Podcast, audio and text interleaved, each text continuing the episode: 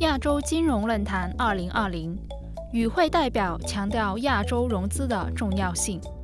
中东国家着意经济多元化并向外发展。埃及总统顾问马米什分享了他的见解。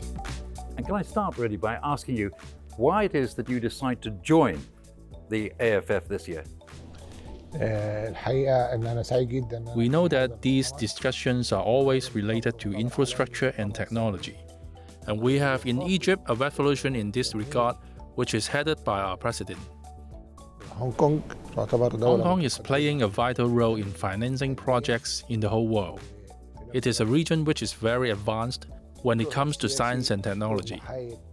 So, how are the Suez Canal uh, economic zone projects and the port projects actually going at the moment? The idea of creating the Suez Canal Zone is to create life around that area. It helps us to create free cities like Suez, Ismailia, and Port Said. I see this as related somehow to the Belt and Road Initiative.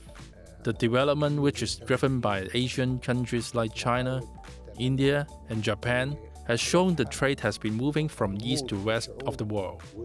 In this case, the marine canals are really important to implement this role.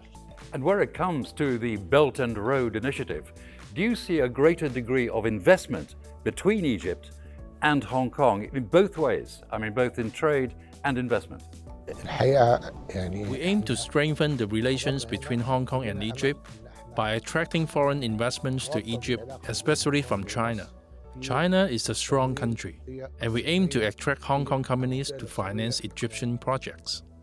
So, in attending the Asian Financial Forum 2020, do you see the forum really as providing a great deal of what you'd call thought leadership, investment, and of course entrepreneurship? Those things, also, of course, networking here at the AFF.